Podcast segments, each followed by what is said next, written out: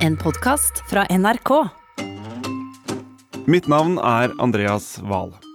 Jeg har to velfungerende øyne som kan se alle fargene i regnbuen, og en noe kranglevillig personlighet. Unnskyld? Her har du meg i malingsbutikken for noen dager siden. Det var ikke brun her. Vi har brun. Jeg finner bare mørkeoransje. Ja vel. Altså, jeg ser det står brun under her, da, med bokstaver.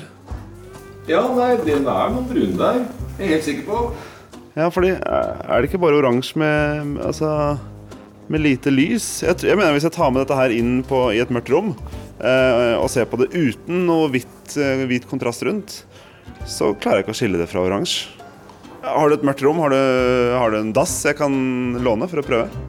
Jeg har det. Jeg gikk inn på dass til de ansatte i malingsbutikken for å bevise noe jeg vil at du også skal vite. For jeg mener brun ikke finnes, selv om vi ser brun hele tiden. Jeg mener at fargen brun burde vært pensum.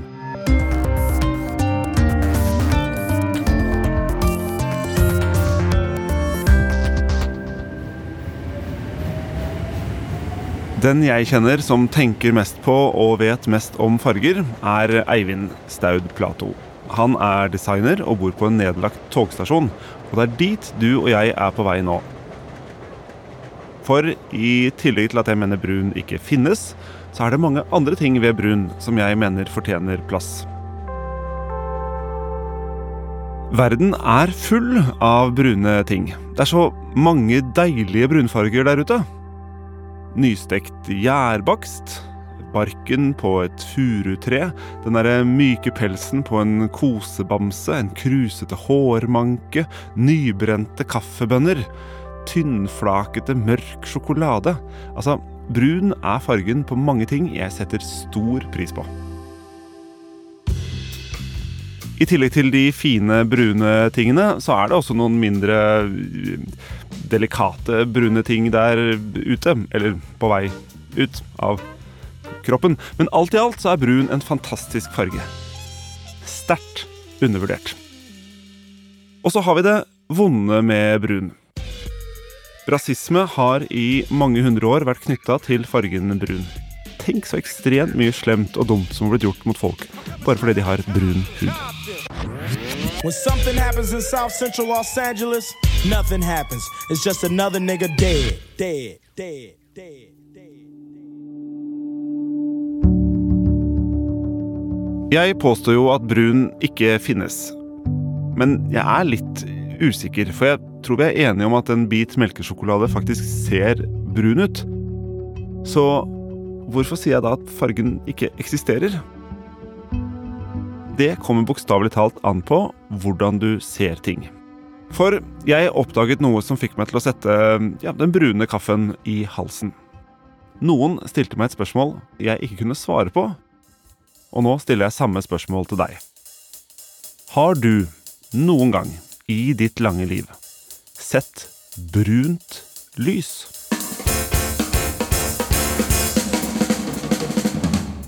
Kan jeg dra til lysmesteren på teatret og be om brunt lys på scenen? Kan jeg kjøpe en sånn LED-stripe på Claes Olsson som viser alle regnbuens farger, og så stille den inn på brun? Kan jeg kjøpe lyspære med brunt lys? Finnes det et bygg med brun firmalogo som lyser i natta? Svaret på alle de spørsmålene er nei. Men det stopper ikke der. Undersøkelser fra utlandet viser nemlig at folk ofte har brun helt i bunnen av lista over sine yndlingsfarger. Stemmer det? Jeg er på et torg, og foran meg går en dame som leier et barn jeg vil tippe er fem år. Jeg spør henne. Hva er favorittfargen din? Den har alltid vært grønn. Hva med neste på lista? hvis vi skal tenke ut hva er nummer to? Varm gul. Varm gul på andreplass. Hvor langt ned på lista kommer brun? Oi, den er jo mange toner. Den er veldig fin mange, i mange toner, men Hvor lenge tror du det er bæsjefarge. Det er bæsjefarge. Ja. Hvor lenge tror Bæsjefarge. Jeg har barn. Ja, barn så er det sånn det man tenker på, vet du. Det slo meg også ganske tidlig når det kommer til fargen brun. Men hvis jeg hadde stått og spurt deg om tredjeplassen, fjerdeplassen, femteplassen, sjetteplassen, hvor, altså, hvor langt ned tror du jeg måtte kommet før jeg hadde kommet til brun? Før du sa det, så tenkte jeg ikke på det engang. Så den var nok ganske langt ned. Men da tenker jeg mørkbrun. Men beige er jo veldig fint. Hadde jeg blitt stoppet på gata av en litt kranglevoren fysiker på jakt etter brune svar, hadde jeg svart at yndlingsfargen min er blå. Jeg vet heller ikke om jeg hadde kommet på at brun var et alternativ engang.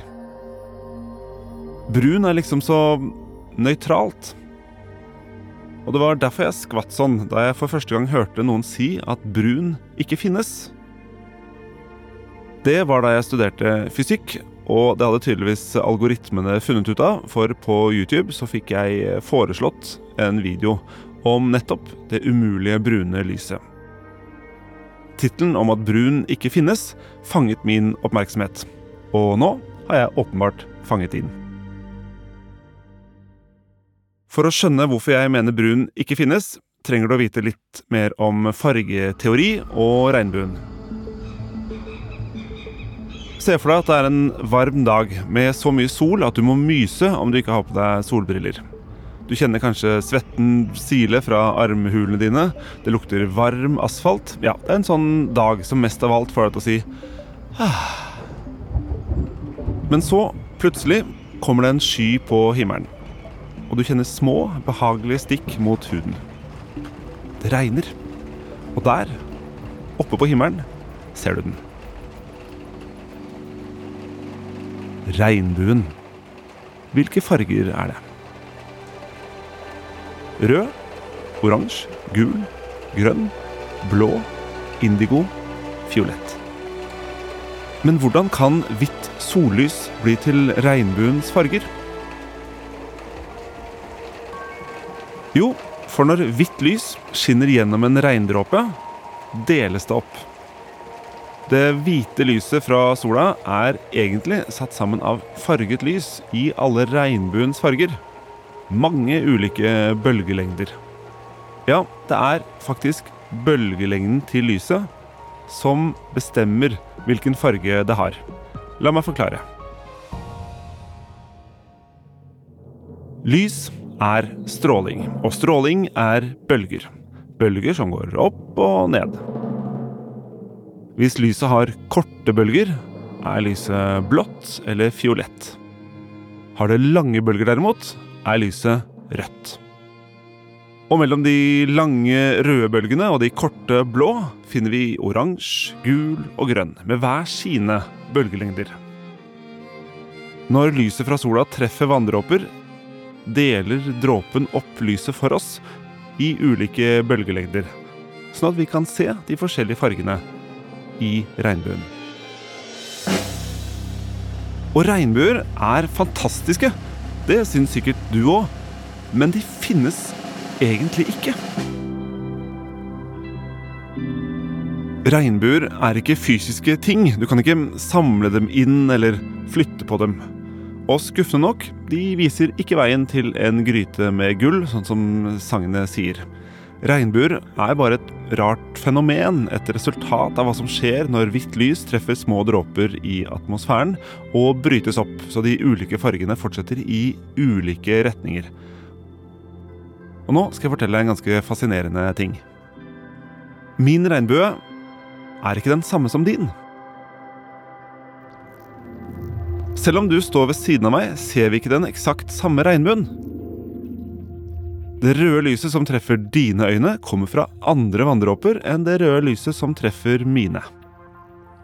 Uansett, regnbuen inneholder altså lys med alle bølgelengdene øynene våre kan se. Rogbiff, altså rød, oransje, gul, grønn, blå, indigo, fiolett. Og nå kommer jeg til poenget mitt. Du finner ikke brun i regnbuen. Den har aldri vært der kommer aldri til å dukke opp. Betyr det at brun ikke finnes likevel, tenker du kanskje? Men vent og se. På vei til fargeekspert Eivind må toget bare ta en ørliten svipp innom England på 1600-tallet. For hvem var det som fant ut at hvitt lys inneholder alle regnbuens farger? Jo, det var Isaac Newton. Du vet han smartingen som satt under et epletre da han visstnok fikk et eple i hodet som fikk ham til å oppdage tyngdekraften. Når vi besøker Isaac Newton, er han en 23 år gammel fyr som er hjemme i lockdown fordi det er pandemi, eller byllepest, da. En av tingene han funderer på, er hva farger egentlig er. Hvor kommer de fra? Oppstår de på innsiden, altså inni hodene våre, eller er farger noe som faktisk finnes der ute i verden? Han får ikke fred. Men så skal han gjøre et genialt lite eksperiment. Vet du hva han gjør? Han drar gardina for vinduet på rommet sitt. Det blir helt mørkt. Så lager han et lite hull i gardina. På forhånd har han fått tak i et prisme, altså en liten glassbit formet som en trekant, eller som en pyramide, egentlig. Og akkurat når sola kommer i riktig vinkel, så står det en stråle med lys gjennom det lille hullet og rett gjennom rommet. Og det er nå Newton stikker glassbiten inn i strålen. Og hva tror du skjer da? På veggen, i motsatt ende av rommet, åpenbarer det seg en regnbue. Du ble kanskje ikke så overraska, men på 1600-tallet tror folk at hvitt lys er noe guddommelig. Noe vi får fra Gud eller fra naturen. Lyset fra sola er liksom hellig, rent, hvitt, udelelig. Så når folk hadde sett disse regnbuefargene komme ut av glassbiter før, konkluderte de med at fargene måtte finnes inni prismet. At de var lagret inni der. At prismet forstyrret eller forurensa lyset på en eller annen måte. Denne forurensningen gjorde at det kom ut farge i andre enden av prismet, mente folk. Og det høres jo ikke helt på trynet ut, så hvordan vet du og jeg at det ikke er tilfellet? Jo, unge Isaac har et prisme til. Hva skjer om man prøver å dele opp lyset på nytt? Han går litt lenger inn i rommet, nærmere bakveggen, og holder prisme nummer to inn i fargene fra det første prismet. Først inn i det røde lyset. Og blir det da flere farger? Nei. Ingenting skjer. Det røde lyset fortsetter å være rødt også etter prisme nummer to. Newtons konklusjon er at det første prismet deler lyset inn i det lyset er satt sammen av, lysets bestanddeler. Det hvite lyset vi ser rundt oss, er satt sammen av alle fargene. Det andre prismet, som fikk rødt lys i seg, sendte bare videre det røde lyset, ettersom rødt lys ikke kan deles opp i mindre bestanddeler. Hullet i rullegardina på gutterommet var begynnelsen på alt vi vet om lys og farger i dag. Og fra der har vi funnet ut mer og mer. Blant annet at menneskeøyne klarer å oppfatte gult, grønt og fiolett, altså tre farger, og at det er hjernen som blander dem sammen til mange andre farger, som gjør at vi kan se turkist hav, oransje appelsiner og blå blomster. Men hva så med brun?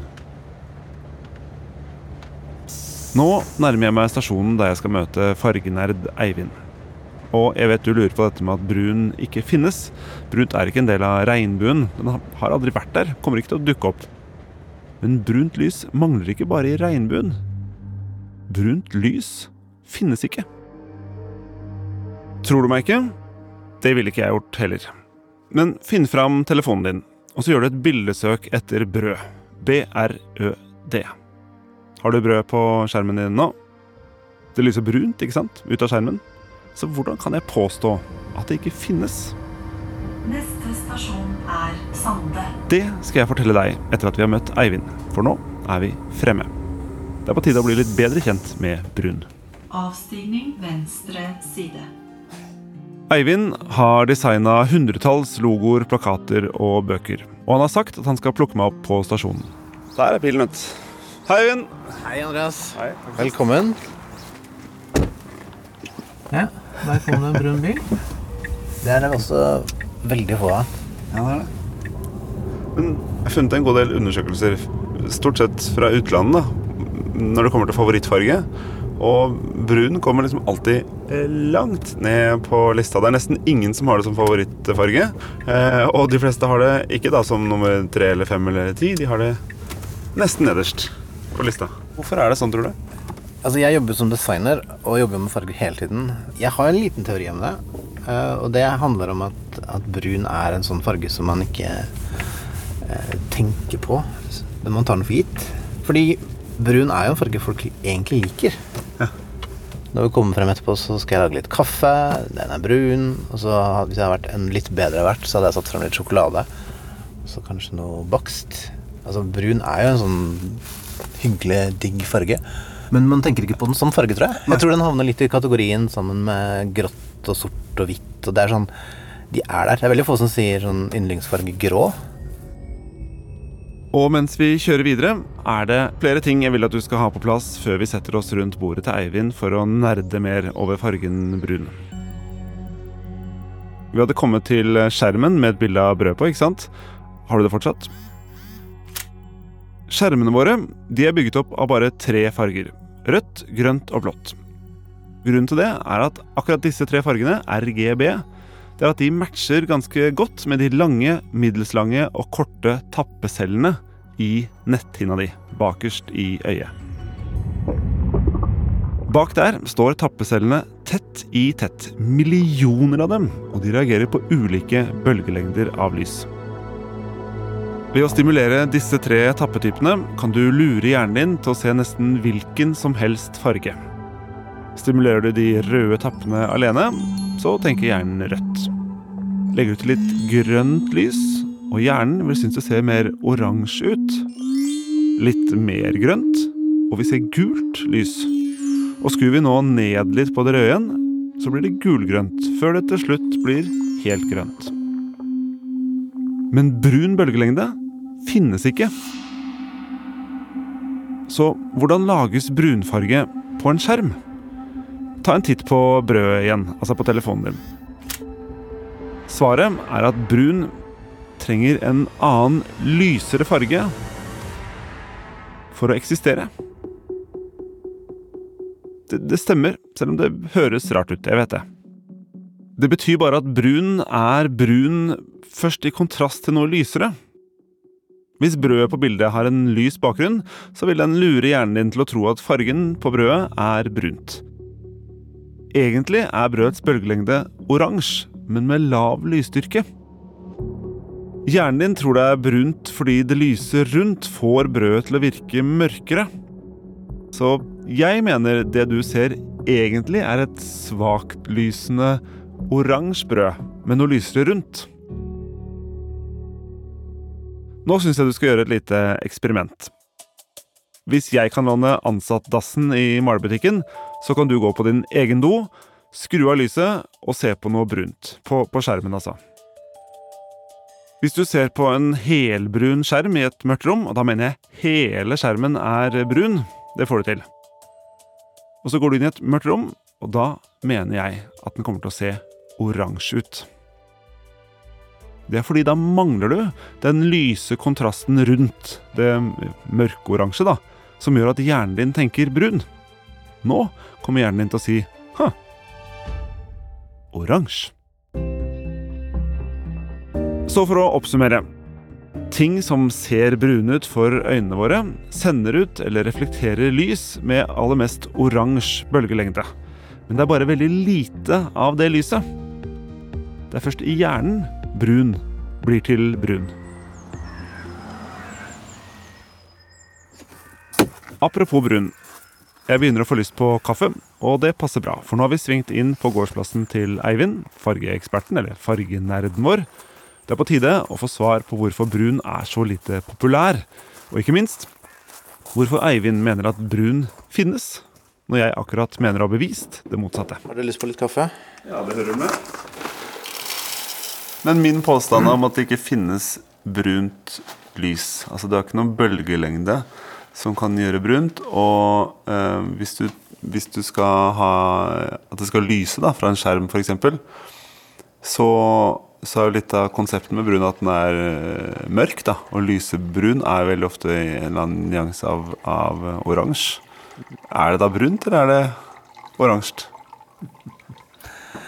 Fysikeren vil kanskje si at det er uh, oransje med lite lys. Men det som er når du jobber med visuell kommunikasjon, da, som det på en måte er, så er det en sånn grunnregel er at det du ser, er riktig. Så hvis jeg skriver tre linjer med tekst, og det er forskjellig linjeavstand på de tre linjene, men for deg så ser det ut som at det er riktig, da er det riktig. Selv om du kan gå inn etterpå som matematiker eller fysiker og måle og se at jøss, her er det forskjellig linjeavstand. Men hvis det i øyet, optisk, ser riktig ut, så er det riktig. Så det er jo min tilnærming til det, ikke sant? Ja. Da bråker jeg litt. Ja, det handler kanskje om hvordan en ser på det. Og på mange måter så er jo brun egentlig en sånn eh, virkelighetstilnærming, da. På et eller annet tidspunkt så kommer fysikken litt til kort. Og så ah, Vi fant ikke en måte å definere brunt fra, ut fra liksom lysbølger og sånn, men den er jo der. Uh, og da må vi på en eller annen måte bare akseptere at da er brunt en farge. For meg er det en farge. Jeg ser Eivinds poeng. Det blir lettere å leve i en verden om en ikke skal lure på om det vi ser, stemmer eller ikke. Selv om fysikeren i meg syns det er vanskelig å akseptere det han sier. Brun er ikke populær. Det er ikke veldig mange logoer for eksempel, som er brune i verden. Jeg vet Det, det finnes noen unntak. Hvilke verdier ligger i, i brunfargen? da? Kan du begynne der? Jeg tror det store problemet med, med, brunt, sånn jevnt over, er at det er litt sånn den paradoksale fargen. Hvis jeg får lov til å kalle det farge, da. er det greit? Takk. Historisk sett så var jo brun fargen til de fattige. For var, på mange måter så brun liksom mangel på farge. Fordi fra naturens side så er veldig mye av råvarene en eller annen form for brun. Om det er klær eller byggemateriale, hva som helst. Før du begynner å gjøre noe med det, så er det liksom brunt-ish. Mm. Og så kunne de rike de kunne da begynne å farge ting med blått og rødt, som var mye dyrere. ikke sant? Og sånn så det jo på bondeland i Norge også. ikke sant? Altså at Hvis du var rik, så kunne du ha et stort, hvitt hus. Og hvis du ikke var så rik, så bodde du i et brunt hus. ikke sant? Og så i moderne tid så er jo også brun fargen til luksus. Skinn, lær, kaffe, sjokolade, whisky, konjakk, resepsjoner på et dyrt hotell. Så går de brunt. Spa, restauranter, kosmetikk. Eh, veldig mye sånn luksusopplevelsesting. Eh, så er liksom brunt fargen. Og så i andre enden da, så har du liksom jord og poteter og sand og bæsj, ikke sant, som også er brunt. Det har jeg tenkt på, men kanskje det er litt derfor det er vanskelig å si at, at brunt er yndlingsfargen din, fordi brunt trenger en kontekst. Fordi du elsker brunt som i at du blir brun om sommeren, eller pene brune øyne, eller den fristende sjokoladen, eller det nybakte brødet. Men, men jeg er ikke men det er, ikke den bæsjebrune, eller brunsneglen, eller Det er ikke det som er yndlingsfargen min. Så det er kanskje, kanskje derfor. Nå kommer en liten quiz. For når du hører han her prate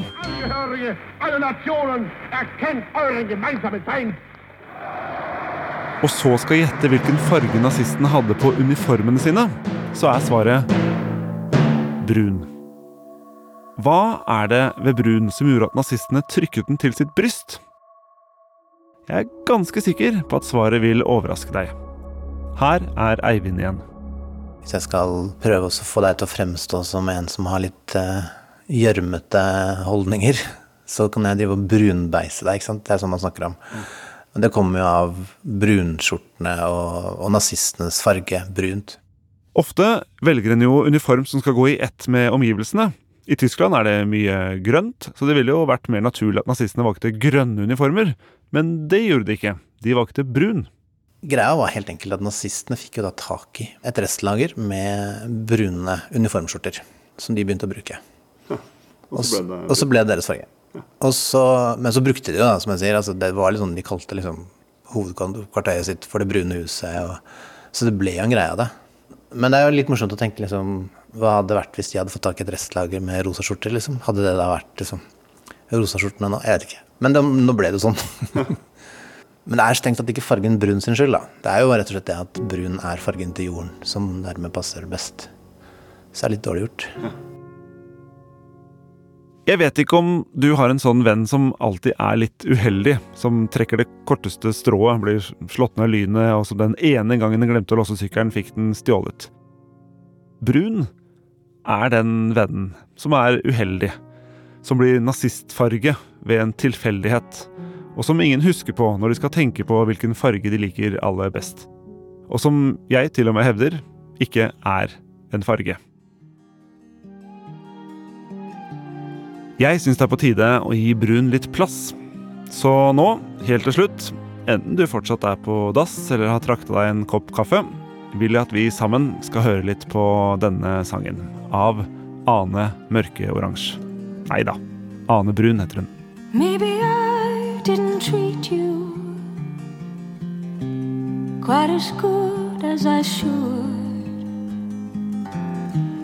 Maybe I didn't love you quite as often as I could. Time. But you were always on my mind. You were always on my mind.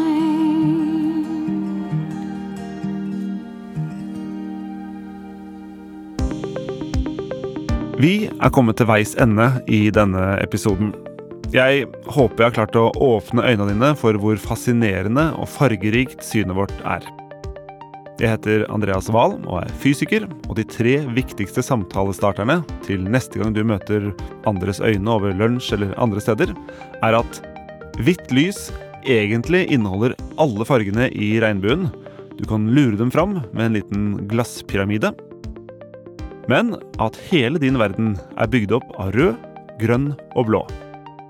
Og at brunt lys ikke finnes.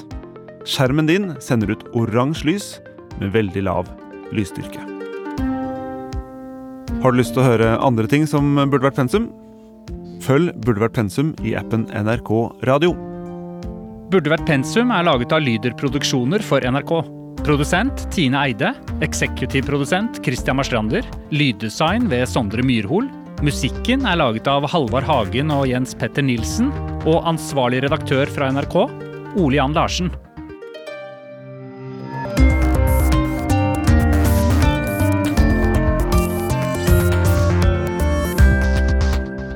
En podkast fra NRK. Dette er i dødens spor. Hvis det har vært kamp mellom eh, offeret og gjerningsmannen, så kan det være hudavskrap under offeret eh, sine negler. Du kan lyge så mye du vil, men sporene avslører jo sannheten. Og det er tatt bilder, sånn CT-bilder, eh, på forhånd som vi har sett på. Eh, Så vi kan f.eks. allerede på CT-bildene se at her ser det ut som det er blod i brysthulen, f.eks. Vi skal snakke med etterforskerne og ekspertene og alle de som kan gi oss svar på hvordan drapssaker blir oppklart. I Dødens spor hører du først i appen NRK Radio.